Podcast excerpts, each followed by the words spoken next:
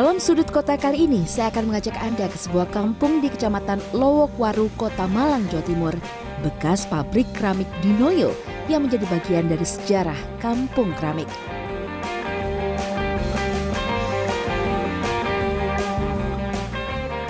Masa kolonial Belanda, Kampung Dinoyo menjadi sentra gerabah.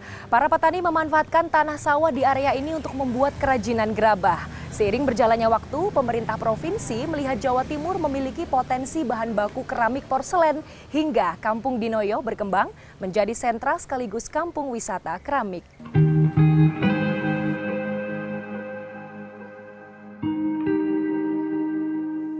Dulunya pabrik ini menjadi proyek percontohan untuk melatih serta mempekerjakan warga perajin gerabah, perlengkapan dapur, dan menjadi perajin keramik porselen. Warga yang semula memproduksi isolator listrik akhirnya banyak yang beralih dan mengembangkan sendiri usaha keramik porselen secara turun-temurun.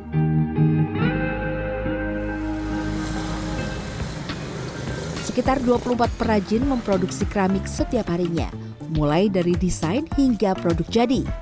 Proses ini membutuhkan waktu berhari-hari, bahkan berbulan-bulan, tergantung model, ukuran, dan jumlah pesanan.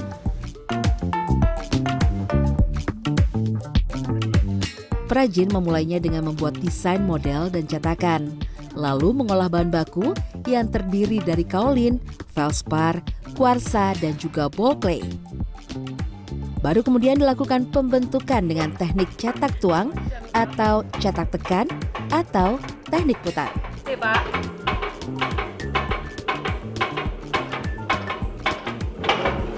Teknik putar ini membuat tangan dan kaki bergerak, kadang cepat, kadang lambat ya Pak ya? Ya, jadi keinginan tangan, kaki harus mengimbangi.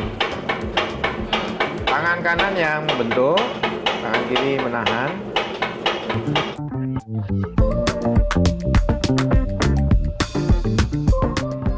Setelah dibentuk, dilakukanlah pengeringan di bawah matahari selama sekitar 6 jam dan penyempurnaan. Keramik kemudian didekorasi dengan pewarna oksida, diberi lapisan glasir, dan dibakar di tungku dengan suhu 1200 derajat Celcius atau lebih selama sekitar 10 jam. Selain menjadi sumber pendapatan, proses pembuatan keramik ternyata memiliki daya tarik wisata – para perajin pun sepakat untuk mengembangkan Kampung Dinoyo sebagai kampung wisata keramik. Untuk bersaing dengan produk Cina, kami juga ingin inovasi. Inovasi gimana caranya supaya produk keramik kami ini bisa bersaing. Artinya apa? Jaga kualitas. Dari tangan-tangan perajin, beragam produk keramik dihasilkan seperti guci, pot bunga, vas bunga, tempat duduk, souvenir, dan lainnya. Bagi para pencinta keramik yang datang langsung bisa berburu keramik klasik yang berwarna putih biru atau keramik dengan nuansa natural. Ketika saya mendengar di Malang ini ada sentra keramik gitu ya, ke satu memang saya suka keramik, kedua ya saya berharap banyak teman-teman di Jakarta kalau bisa melihat barang yang saya beli bisa juga belinya di Indonesia saja lah gitu ya. Jadi sekaligus untuk mengembangkan uh, industri dalam negeri.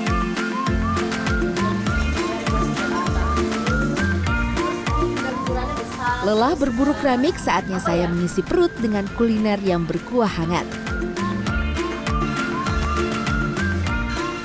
Warung spesialis soto dan rawon yang berjarak tak sampai 1 km dari kampung keramik Dinoyo ini sudah eksis sejak 1958 dan kini dikelola generasi ketiga.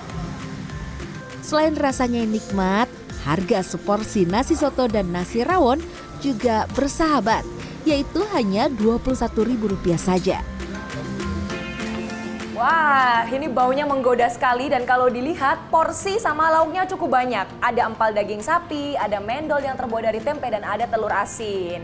Sekarang mau coba soto daging dulu. Hmm. Hmm. Lanjut nih. Rawon.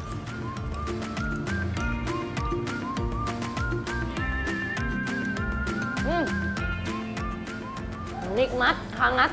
Jadi kuahnya ini dua-duanya gurih, rempah-rempahnya terasa sekali dan tentu saja dagingnya empuk. Hmm.